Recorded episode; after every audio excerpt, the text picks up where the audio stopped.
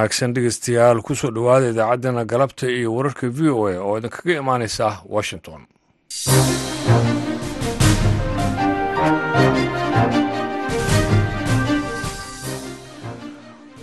Waa galab sabti ah dhegeystayaal bisha februari ee sanadka labada kun iyo saddex iyo labaatankana waa shan iyo labaatan. Waxaad naga dhegeysanaysaan mawjadaha gaagaaban ee lix iyo tobanka iyo sagaal iyo tobanka mitrband iyo boggeena v o a somaali com saacaddu haatan afrikada bari waa afartii galabnimo. Idaacadda galabta iyo wararka v o a waxaa idiin soo jeedinaya anigoo ah ibraahim xasan daandure.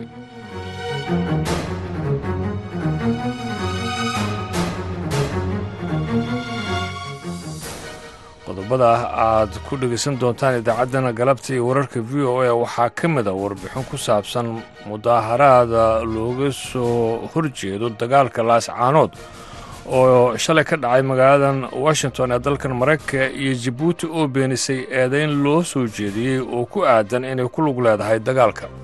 Cid maaragtay halkaasi caddaymo keeni karta ma jirto. Anna siyaan caddeemo caddeemo a soo dhigaan oo ay radin sidaabay wax yihiin haddii aan wax gelinayno samatalis unbay noqonaysaa inaan ka samatalinno soomaalida xilliga ay arrimahayga ay noqoto. Annaka soomaalidu kuu dooni ahaado meeshuu doonina a joogo. Waxaa sidoo kale aad dhegeysan doontaan buuq iyo cabasho maanta ka dhacday baarlamanka soomaaliya. Bahalogaleen baa golaha ku jire.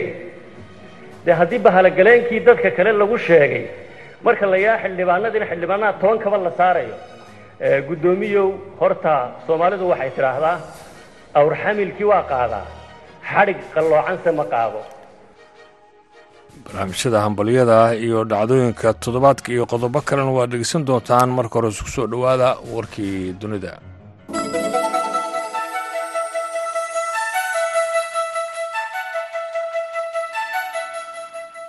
Ra'iisul wasaaraha jarmalka uluf shules ayaa maanta oo sabdiya sheegay in jarmalka uu doonayo in dalka indiya u taageero ama ugu yaraan aanu xanibin dadaalka reer galbeedka ee lagu go'doominayo ruushka oo dagaal ba'an ku haya ukrain kadib wadahadal uu la yeeshay ra'iisul wasaaraha dalka indiya narendra modi shulis ayaa wuxuu carab ku adkeeyey in waddamada soo koraya si xun ay u saameeyeen tamar iyo cunno yaraan ka dhalatay dagaalka waxaana uu rajeynayaa in indiya ay gacan ka geysan doonto sidii loo heli lahaa sahayda muhiimka ah ee asia africa iyo dalalka amerika modi ayaa sheegay indiya in ay rabto in khilaafka lagu dhammeeyo wadahadal iyo diblomaasiyad wuxuuna sheegay in indiya ay diyaar u tahay inay gacan ka geysato dadaal kasta oo nabadeed modi ayaa ku adkaystay kagaabsigiisa in si cad uu dhaleeceeyo ruushka maadaama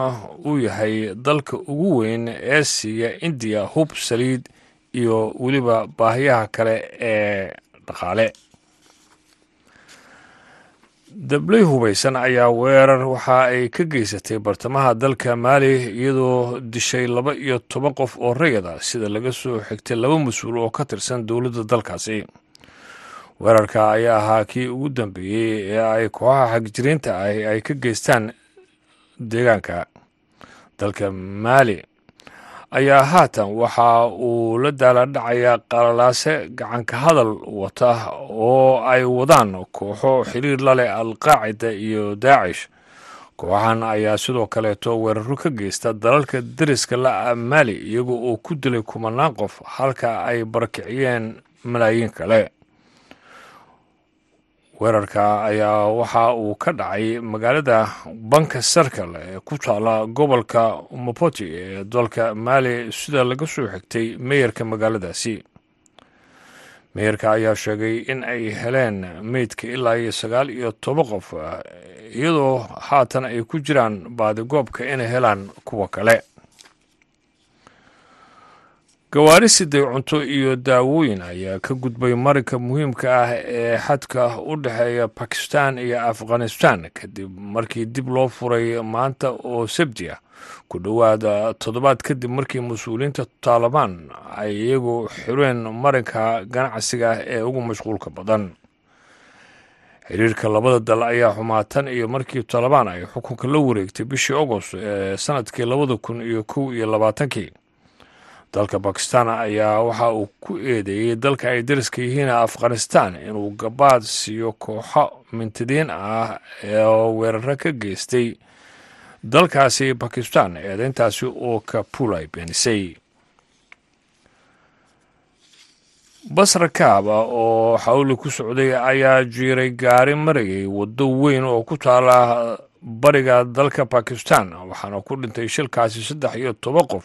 Tiro kalena way ku dhaawacmeen sida uu sheegay afhayeen u hadlay booliiska maanta oo sabtiya shilkaasi ayaa xalay ka dhacay degmada raxiim yarkhan oo ka tirsan gobolka punjab sida uu sheegay maxamed aweys oo ah afhayeenka booliiska ee degmada aweys waxa uu sheegay in dadka dhintay iyo kuwa dhaawacmaba dhammaantood loo qaaday cusbitaalka. Afhayeenka booliiska ayaana bixin faahfaahin intaasi dheer balse waxa uu sheegay in saraakiil ay baarayso sida ay wax u dhaceen. Shilalka gaadiidka ee bakistan ayaa guud ahaanba u dhaca sababo la xiriira ku-xadgudubka shuruucda waddooyinka taasi oo keentay kumanaan dhimasho ama dhaawaca sannad kasta bishii hore ayay ahayd markii bas uu isagu ku dhacay tiir kadibna uu ka dhacay kaabad oo ay ku gubteen afartan qof oo rakaab ahaa degmada lasbela ee koonfurta dalkaasi. Warkiina dhegeystayaal waa naga intaas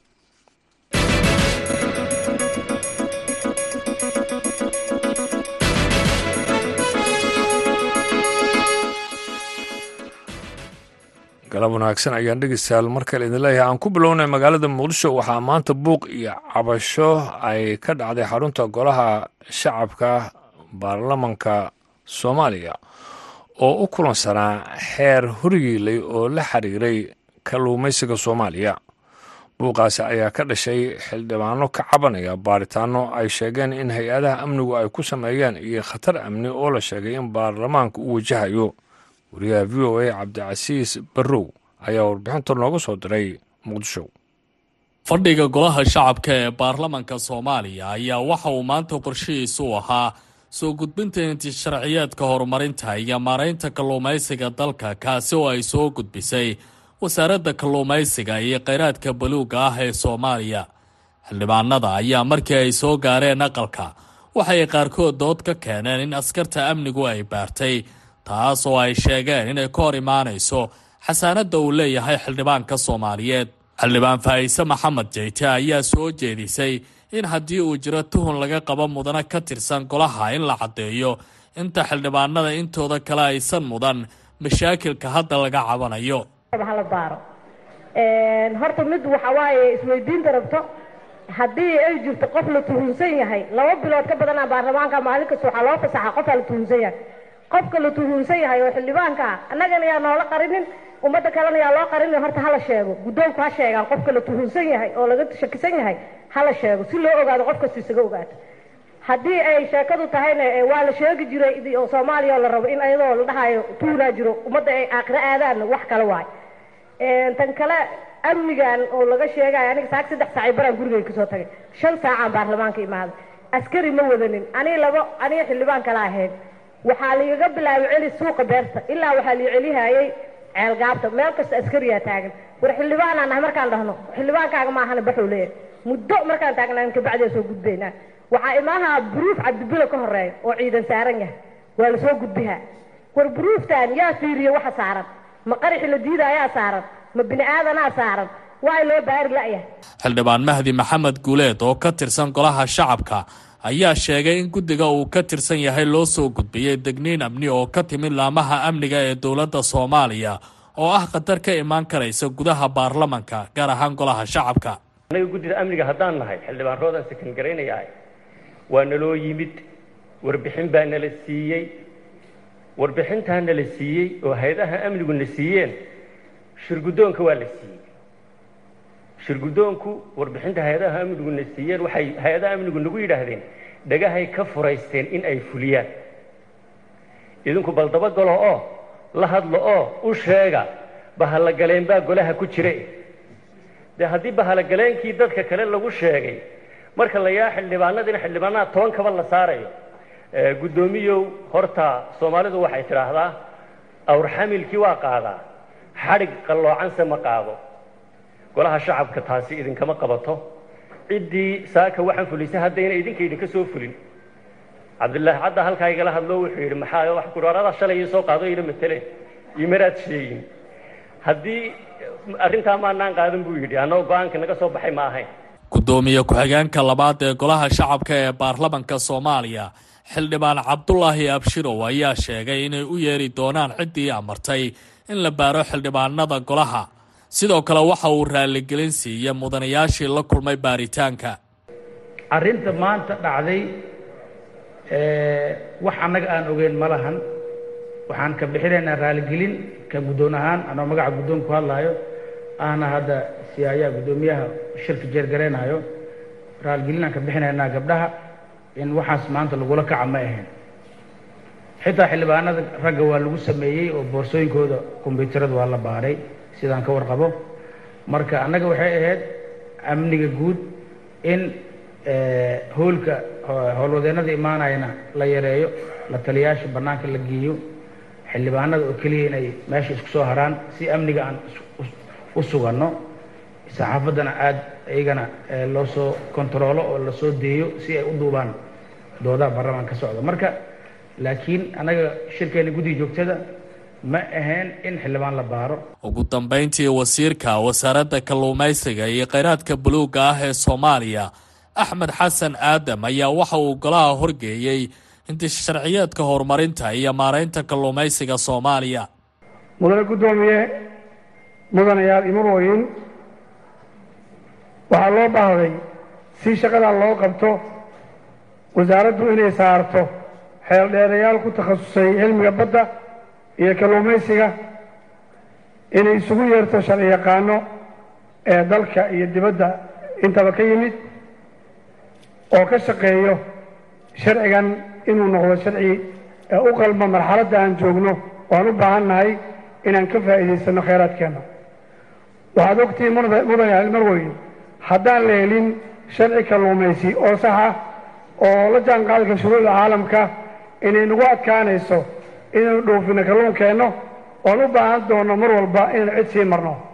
Dhinaca kale doctor maxamed sheekh axmed maxamed ayaa maanta ku guulaystay doorashada kursiga tirsigiisu yahay siddeetan iyo lix oo doorashadiisu maanta ay ka qabsoontay magaalada muqdisho. Kursigan ayaa waxaa horay ugu guulaystay fahad yaasiin xaaji balse guddigii doorashadii dadbaneyd ayaa laalay kadib markii ay sheegeen in hanaanka loo maray uusan ahayn mid saxa. Cabdilcasiis barrow v o a muqdisho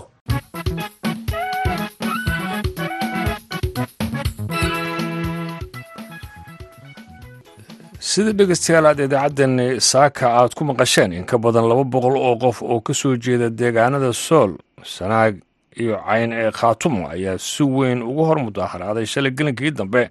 Wasaaradda arrimaha dibadda ee maraykanka iyo safaaradda jibuuti ee dalkan maraykanka dadka mudaaharaadaya ayaa dowladda maraykanka waxay ka codsadeen in wax laga qabto xaaladda bini'aadminimo ee laascaanood waxayna cambaarayeen somalilan oo ay ugu baaqeen in ciidamadeeda ay kala baxdo gobolka sool saare cabdi axmed ayaa banaanbaxaasi tagtay warbixintan ayna nooga diyaarisay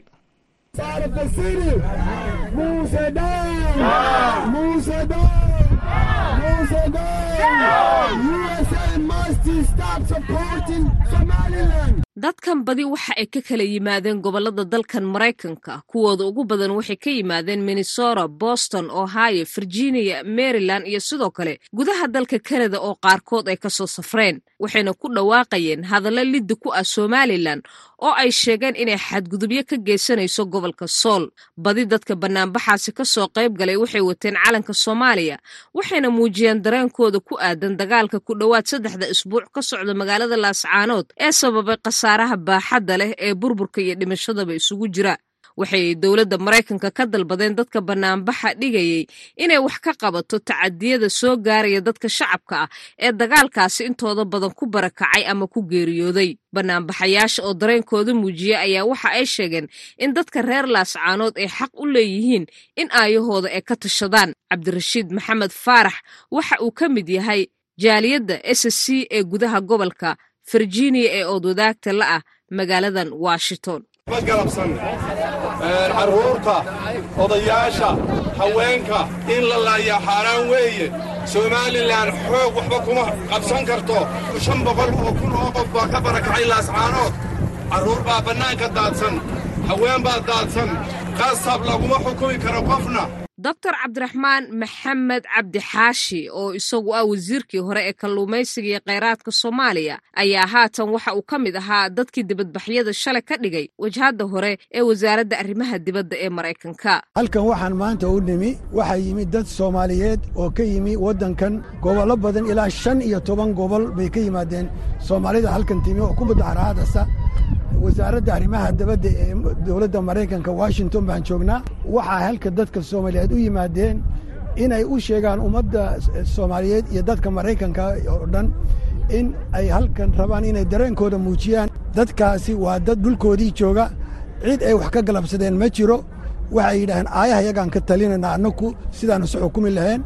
Waxaa kale yidhaaheen annaku dooni mayno inaan ka goono waddanka soomaaliyeed inaan ismaamulaan doonanaa xaq bayna u leeyihiin sida ay u leeyihiin xaq gobollada kale dadka soomaaliyeed oo hirshabeelle koonfur galbeed iyo haddaan tusaale u soqodo iyo jubbaland iyo gobol kasta. Wasaaradda arrimaha dibadda horteedaad joogtaan.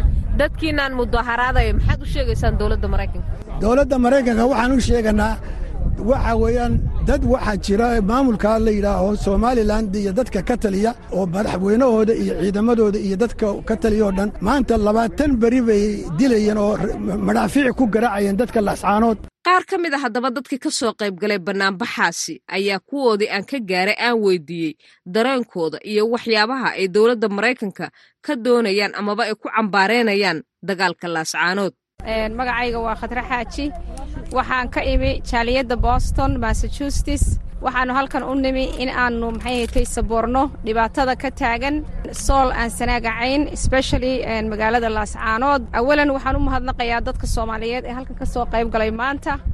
Ee tusaya saboortiga reer s s c dhibaatada haysata. Waxaan rabaa masage halkan inaan uga diro ama fariin madaxweynaha soomaaliya xasan sheekh. Waxaa weeye xasan sheekh soomaaliya oo dhan baad u dhaaratay waxaannu kaaga baahannahay moor baannu kaaga baahannahay. Daawada yar soo dirtay isnad enaf waxaannu kaaga baahannahay ciidan waxaannu kaaga baahannahay wax kasta ayaannu kaaga baahannahay. Maxamed cabdilaahi maxamed oo garaadfood ku magac dheer.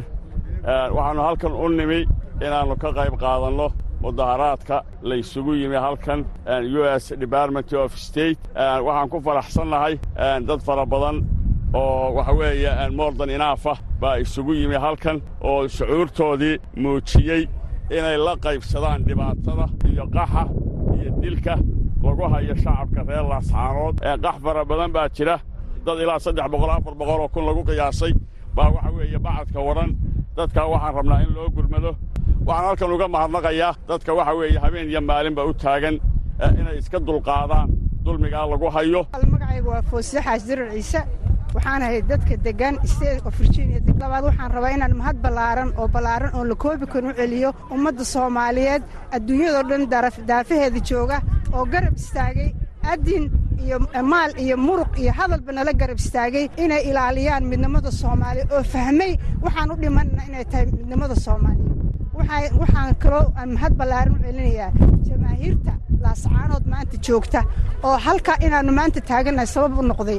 Waxaan kaloo mahad ballaaran u celinayaa. Ciisimadayada waxaan u celinayaa. Soddon iyo saddexda nin ee istaagay mowqifka ad ee sharafteenni soo celiyey ee wanaaggeenni soo celiyey magacaygu waa kiise golongol. Waxaan ka mid ahay jaaliyadda. Bannaanbaxa uga timi gobolka ohaayo waxaan rabaa inaan dareenkayga ku sheego maanta. Dadka ku dhimanaya ee ku jira maalinta sagaaliyo tobnaad magaalada laascaanood xaq waxay u leeyihiin in dowladda federaalka ay u hadasho ay mucaawimo geyso. Waddanka maraykankana waxaan aad iyo aad uga codsanaynaa inay ka joojiyaan dhaqaalaha faraha badan ee ay siinayaan somalilan kadib dhowr saacadood oo dadka dibadbaxyada dhigaya ee hor joogeen wasaaradda arrimaha dibadda ee dalkan maraykanka waxaa markii dambe dadkaasi dibadbaxyada dhigaya ay sidoo kaleeta u jihaysteen oo ay ku hor mudaharaadeen safaaradda dowladda jabuuti ee dalkan maraykanka halkaasi oo si lamida somalilan dadkii dibadbaxaasi ka qayb galay ay cambaareeyeen dowladda jabuuti oo ay sheegeen inay qayb ka tahay dagaalka ka dhanka ah s c.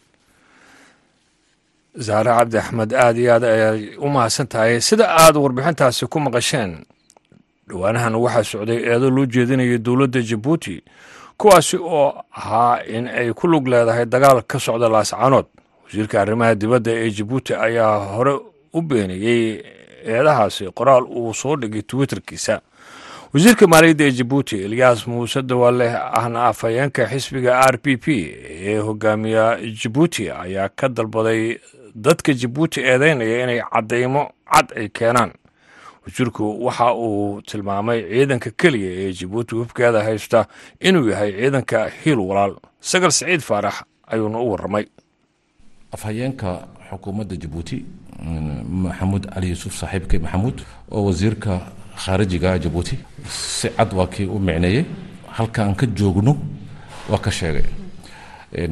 Waa kaas anagu waxaan maratay in arintaasi laascaanood xilliga noqoto ka dowlad ahaan xilliga ay noqoto waxaan ku beeranayaa inta anigu jabuuti soomaali dhinacay doontaba aad joogto. Walaalnimo kalgacayl muxubo iyo wanaag aan u hayno ma ogiye. Inaan anagu soomaali intay doonay alla ekaato dhibaato ah oo anagu aan soomaali aan u geysanayno xaasha lilah baan ku leehay halkaa waxa naga jooga waa hiil walaal baa naga jooga. Waxay u joogaan iyo waxaan dhiiggayaga ciyaalkayagaas dhiigooga aan anagu aan ku sharaf aan ku mudannahay inay u daadiyaan soomaalida waa wax muqadisa weeyaan. Intaa in dhaafsan walaashayay waxaan u haysanaa anaku waa gardarro gidaar ay tiirsato weyday weeyaan waxyaabaha laidinku eedeynaya mudane wasiir waxaa ka mid a in dowladda jabuuti ay ka caawinayso somalilan ciidamadeeda hub oo kale.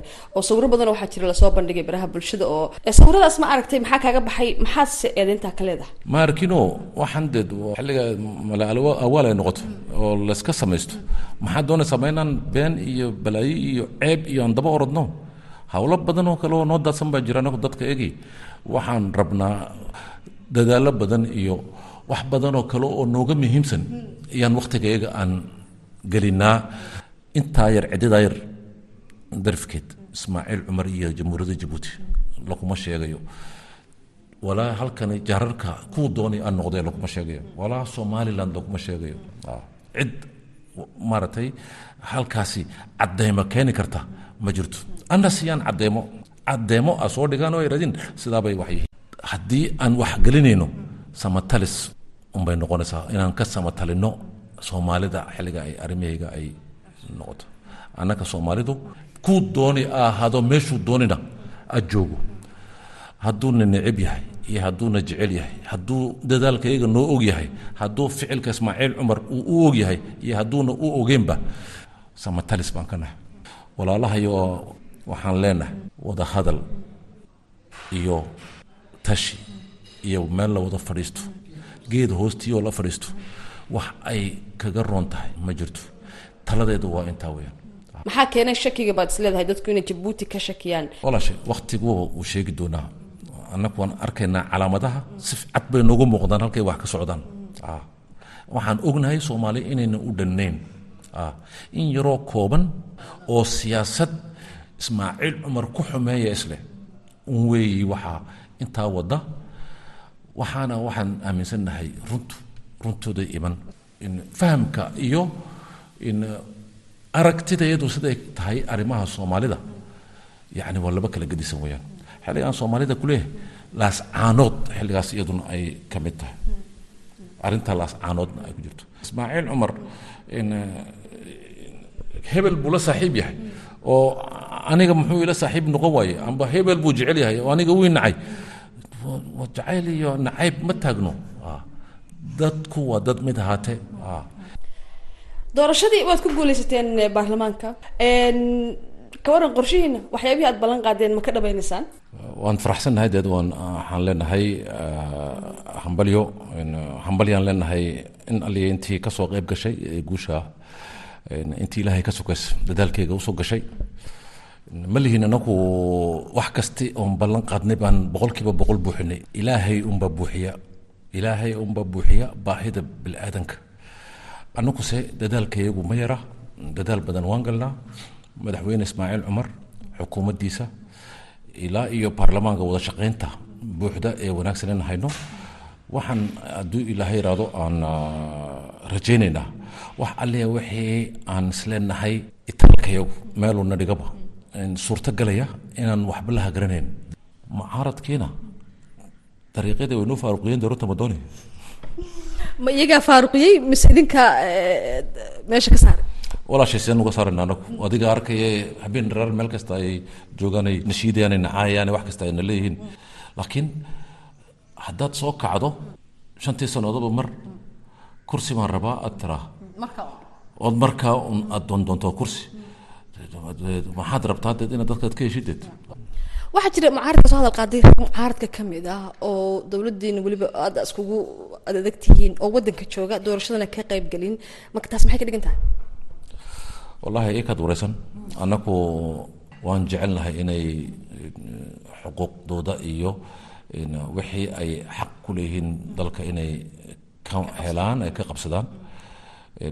Ma galay anigu tafaariiq badan laakiinse waxaan leeyahay un mucaaradnimadu mucaaradnimadu waan ku shiidi iyo waan ku ceebeyni iyo waan ku caayi.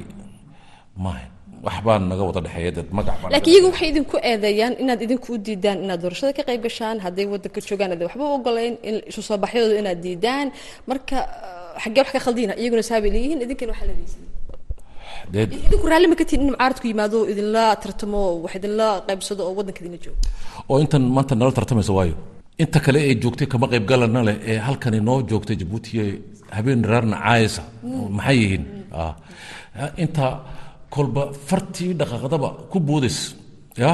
Ee wax kasti iminkaan maqalnaa weliba barhkood wax aanan meelba naga soo qusayn oo jaar iyo jiiraan arrimo saaran. Inay sidii daqsi fuudda ku dhacay. Ay ay jabuuti ay dhabarka soo saaraan.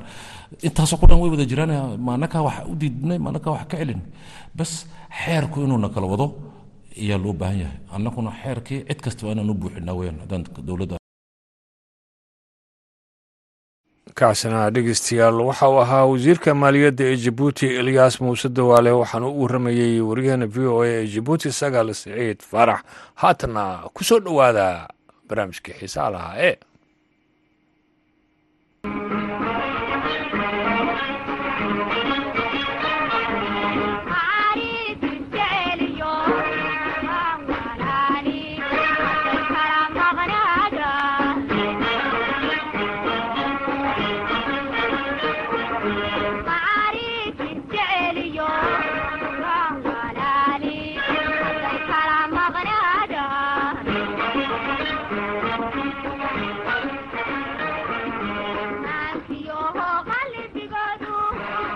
wacan oo wanaagsan dhegaystayaal mar kale waa barnaamijka hambalyada iyo heesaha iyo toddobaad kale. Iyo dhambaalladii aad soo dirsateen annaguna aan idinkugu larayno heese xul ah oo aanna ka soo dhex xullay xulka xulalka. Waa tahay dhambaalka ugu horreeya waxaa haya ibraahim xasan daanduro ibraahim dhambaalka ugu horreeya soo qabo. Dhambaalka ugu horreeya wuxuu naga soo gaaray aabba manuur xasan cali hooyo ruqiye sheekh maxamed dhuub hooyo nuurto maxamed nuur iyo hooyo salaado maxamed nuur hooyo batuulo manuur abtikuusow manuur rashiid ronow mursal ruqiyo ronow mursal iyo faadimo kuusow manuur iyo manuur kuusow manuur iyo kamaal cabdirasaaq geesdheere waxaana ay dhammaantood hambali u dirayaan cabdulaahi ronow mursal iyo xabiibo macalin oo gabar ay ugu dhalatay degmada qansax dheere. Waxaanay leeyihiin gabadhaas allah ka dhigtii soo weynaato waalidkeed dadkeeda iyo dalkeeda waxtarta. Dhambaalka xiga noo soo qaba caasha waa yahay dhambaalka ugu horreeya dhinacaygana waxa uu naga soo gaaray axmed maxamuud xaaskiisa iyo caruurtiisa cabdiweli maxamuud xaaskiisa iyo caruurtiisa cali siciid maxamuud xaaskiisa iyo caruurtiisa cabdulaahi maxamuud xaaskiisa iyo caruurtiisa iyo cabdirasaaq maxamuud xaaskiisa iyo caruurtiisa waa dhammaan ilmo maxamuud. Aadanaa ku jira faaduma ku jirta xaawa ku jirta nadiifo dahabo farxiyo fartuun. Waa dhammaantood ilmo maxamuud xaasaskooda iyo caruurtooda maama luuley shariif calaawi saygeeda shariifa cabdiraxiim iyo caruurteeda iyo eedo sahre ciise maxamed saygeeda iyo caruurteeda faadumo cismaan sheekh cilmi saygeeda iyo caruurteeda iyo abti axmed nuur warsame xaaskiisa iyo caruurtiisa iyo dhammaan reer geeda qorow. Dhammaan dadkan oo kala jooga gudaha dalka iyo dibaddiisa waxa ay hambaliyo tahniyad ah oo aroos farxad lehna u dirayaan cabdulaahi basaali siciid maclim iyo raxmo maxamed maxamuud oo arooskoodu ka dhacay caasimadda muqdisho. Taariikhdu markay ahayd laba iyo labaatanka bisha februari ee sanadka maalin arbaca ay ahayd baa la yidhi waxaan leenahay arooskiina allaha ka dhigo midkii loo aayiyo owlaad baariyana lagu kala helo. Wiil iyo caano gabar iyo caano. Haye bal heesaan hayno hees ka mid caasho noo soo qabo. Waa heestaan kudhageedu yahay dadnimada aqoonso codadka xaliimo khaliif magool iyo maxamed axmed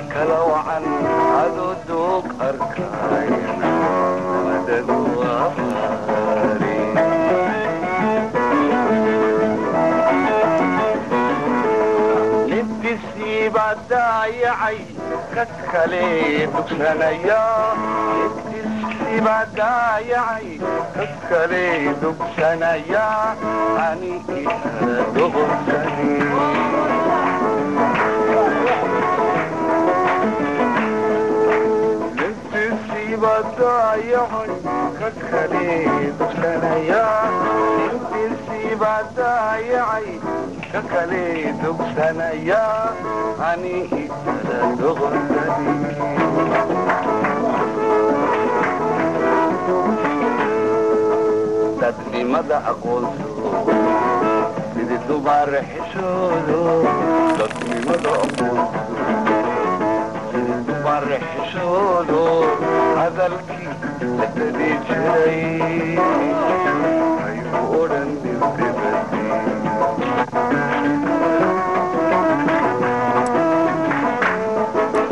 dadnimada aqoonso cadabkuna xishoodo dadnimada aqoonso sidii dumar xishoodo hadalkii dadadii jiray aygu odhanin dabad yahow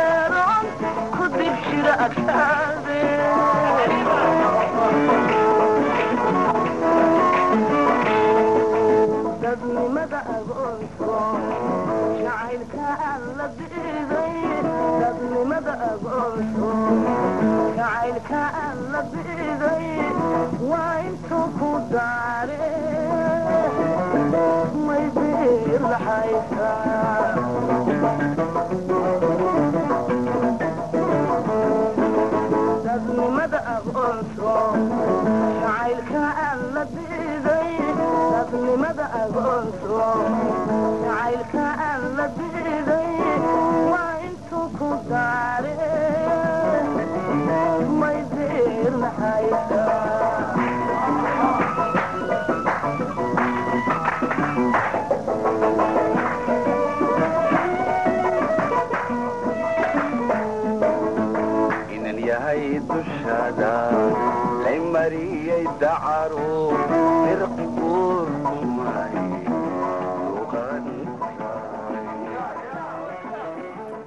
dhambaal kale oo qurux badanna waxa uu naga soo gaaray oo lagu soo bilaabay assalaamu calaykum v o a.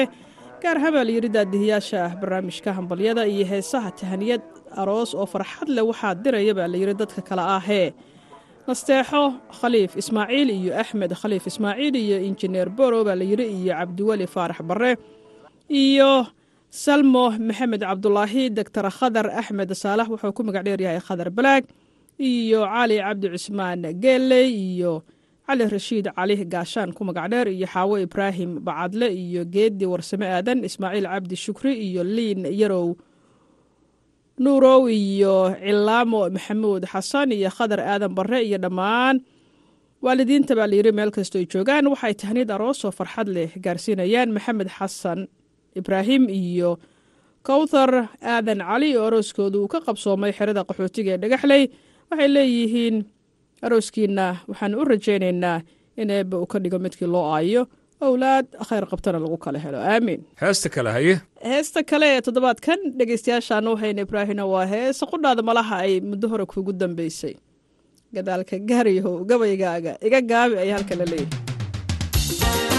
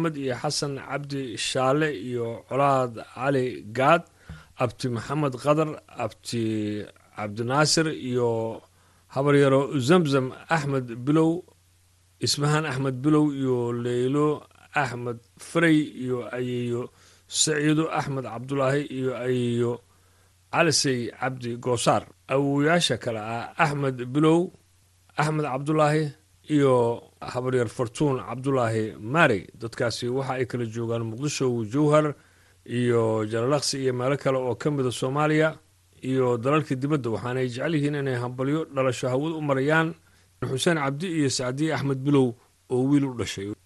Waxaana wiilkaasi loo bixiyay bay yidhaahdeen haadi ducaduna waa xaggiina. Waxaan leenahay haadi soo weynawno kii waalidkii dadkiisa iyo dalkiisaba waxtara waa hagaaga dhambaaladii haddaan mar kale ku noqonno dhambaalkan waxa uu naga soo gaaray ayeeyo xabiibo bare warsame iyo ayeeyo caaishe maxamed geede qorow iyo axmed salaad cali geede qorow xaaskiisa iyo caruurtiisa iyo cabdulqaadir cali geede qorow iyo gabadhiisa aamino cabdulqaadir cali iyo xaawo cali geede qorow iyo caruurteeda.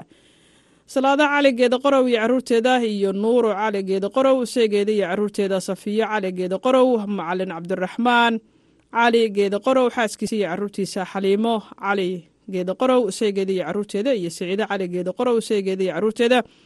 Iyo dhammaan reer geeda qorow caaisha ku jirta cabdinuur bashiir cumar cabdulaahi cabdiweli maxamuud. Dhammaantood waa ilma cali geeda qorow xaasaskooda iyo caruurtooda iyagoo isku duuban. Meelo kala duwanna jooga waxay hambaliyo tahniyad aroos oo farxad leh ay u dirayaan cabdulaahi basaali saciid macalim iyo raxmo maxamed maxamuud oo arooskoodu ka dhacay magaalada muqdisho. Taariikhdu markay ahayd laba iyo labaatankii bisha februari ee sanadka waxay ahayd baa maalin arbaca ah. Waxaan leenahay arooskiina allaha ka dhiga midkii loo aayo ubad khayr qabana lagu kala helo. Wiil iyo caano gabar iyo caano. Aamiin hooyo suuban nuur iyo aabe axmed muumin xuseen iyo cabdiqaadir axmed muumin iyo rooda axmed muumin faa'izo axmed muumin iyo yuusuf maxamed cali hooyo xaliimo maxamed muuse cabdulaahi yuusuf kabaweyne iyo cabdi yuusuf kabaweyne iyo nuur yuusuf kabaweyne sixiimo yuusuf kabaweyne iyo nimco yuusuf kabaweyne iyo abti cabdulaahi maxamed muuse iyo abti ismaaciil maxamed muuse.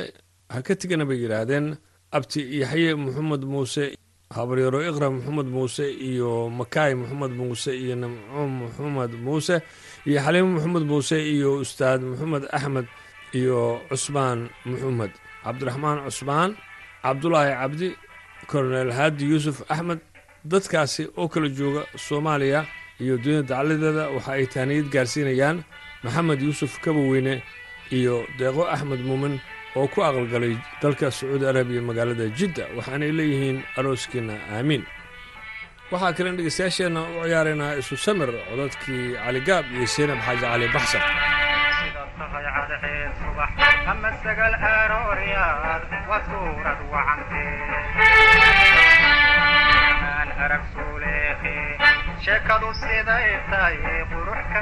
sidatee sidaad tahay cadceed subax ama sagal arooryaad waa suurad wacantee maan arag suuleehe sheekadu siday tahay quruxkaana sidatee sabanadan ma ay dhalaan haddaan uurka lagu sideen inan kaa sarrayse saynabey waxaa tahay salada iyo faralkee midaan uga sahwiyaye sala nabadgelya laho saxabada kuwado yaan ku sidaaye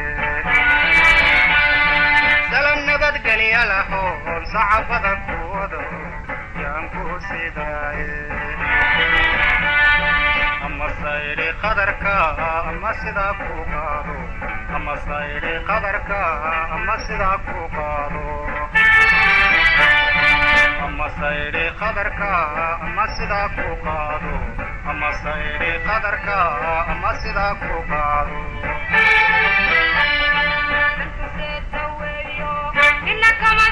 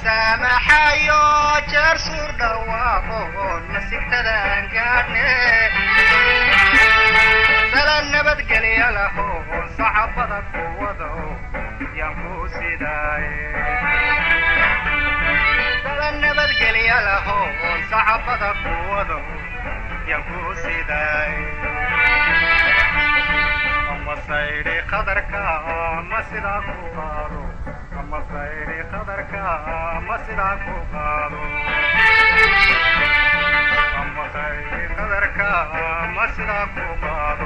ama saydi qadarka ma sidaa ku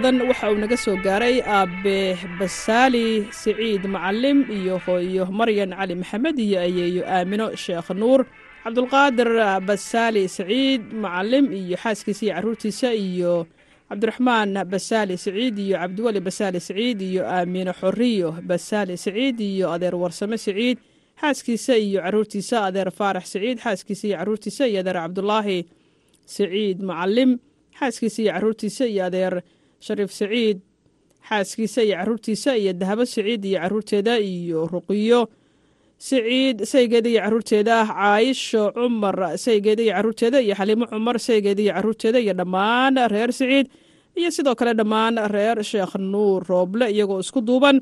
Meelo kala duwan jooga gudaha dalka iyo dibadda waxa ay hambaliyo farxad ay ku dheehan tahay ay u dirayaan cabdulaahi basaali siciid macalim iyo raxmo maxamed maxamuud oo arooskoodu ka dhacay magaalada muqdisho labaiyo labaatankii bishan februaayo ee sanadkan laba kun saddex iyo labaatanka waxay leeyihiin arooskaasi waxaan leenahay arooskii loo aayo ubad baariya oo kheyr qabana lagu kale annaguna waxaan leenahay aamiin dhambaalkanna waa hambalyo meher waxaa si wada jira u diraya mustafe maxamed xirsi iyo cali aadan maxamed iyo xasan ismaaciil maxamed nimcaan jaamac maxamed cabdiraxmaan shiine suuri maxamed diiriye deeq maxamed cabdulaahi iyo sabaad yuusuf cabdulaahi iyo najma caydiid. Dadkaasi waxa ay joogaan burco hargeysa iyo meelo kale waxayna hambalyo si wada jir u gaarsiinayaan. Cayduruus axmed ibraahim iyo axlaam siyaad. Oo meherkooda uu ka dhacay burco. Dhambaal qurux badan ayaa waxa uu naga soo gaaray. Cabdixakiim maxamed macalim warmahaye waxa uu joogaa magaalada baydhabo. Sidoo kale waxaa dhambaalka kula jira dhammaan qoysaska iyo carruurta reer maxamed macalim yuusuf. Iyo sidoo kale qoysaska reer cabdi waa reer cabdulqaadir maxamed isaaq iyo caruurtooda baa layiri ismaaciil maxamed macalin. Maxamuud macalin waa maxamuud maxamed macalin iyo maxamuud xuseen maxamed iyo cabdinaasir aadan cabdi iyo muhaab aadan cabdi iyo khaalid aadan cabdi zaakira aadan cabdi iyo caruurteeda iyo maa'ida maxamed axmed iyo caruurteeda iyo aamine xasan cusmaan iyo caruurteeda iyo aamine abshir cabdi xasan iyo caruurteeda iyo zuwayda cabdulqaadir maxamed iyo shuwaaro cabdulqaadir maxamed iyo maxamuudiya cabdulqaadir maxamed iyo maxamed cabdulqaadir.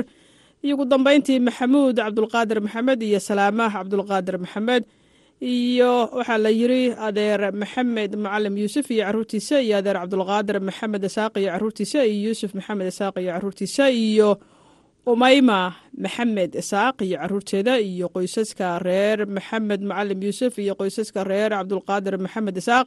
Dhammaantood iyagoo isku duuban waxay hambalyo iyo bogaadin hawada u marinayaan cabdishakuur maxamed macalim iyo maadiya mise maa'ida. Maadiya ayaa qoran waa maadiya cabdulqaadir maxamed oo arooskoodu ka dhacay deegaanka qaahira ee gobolka baay. Waxay leeyihiin arooskaasi allaha ka dhigo midkii loo aayo annaguna waxaan leenahay aamiin intaasna waxaa ku dhan barnaamijka hambalyada iyo heesaha. Waxaa wejinada kuu soo jeedinaya caashi ibraahim aadan iyo anigu ibraahim xasan daadure intaan mar kale ku mid doono sidaa iyo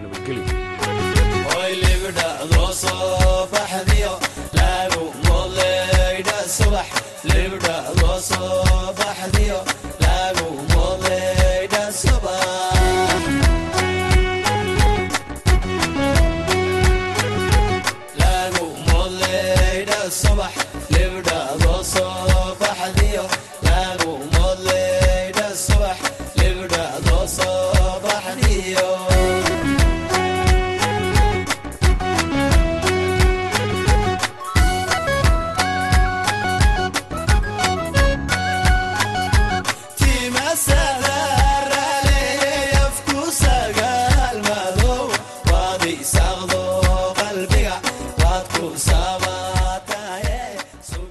barnaamijka hambalyada heesaha waxaa ugu dambeeyey idaacaddeenna galabta iyo wararka v o a.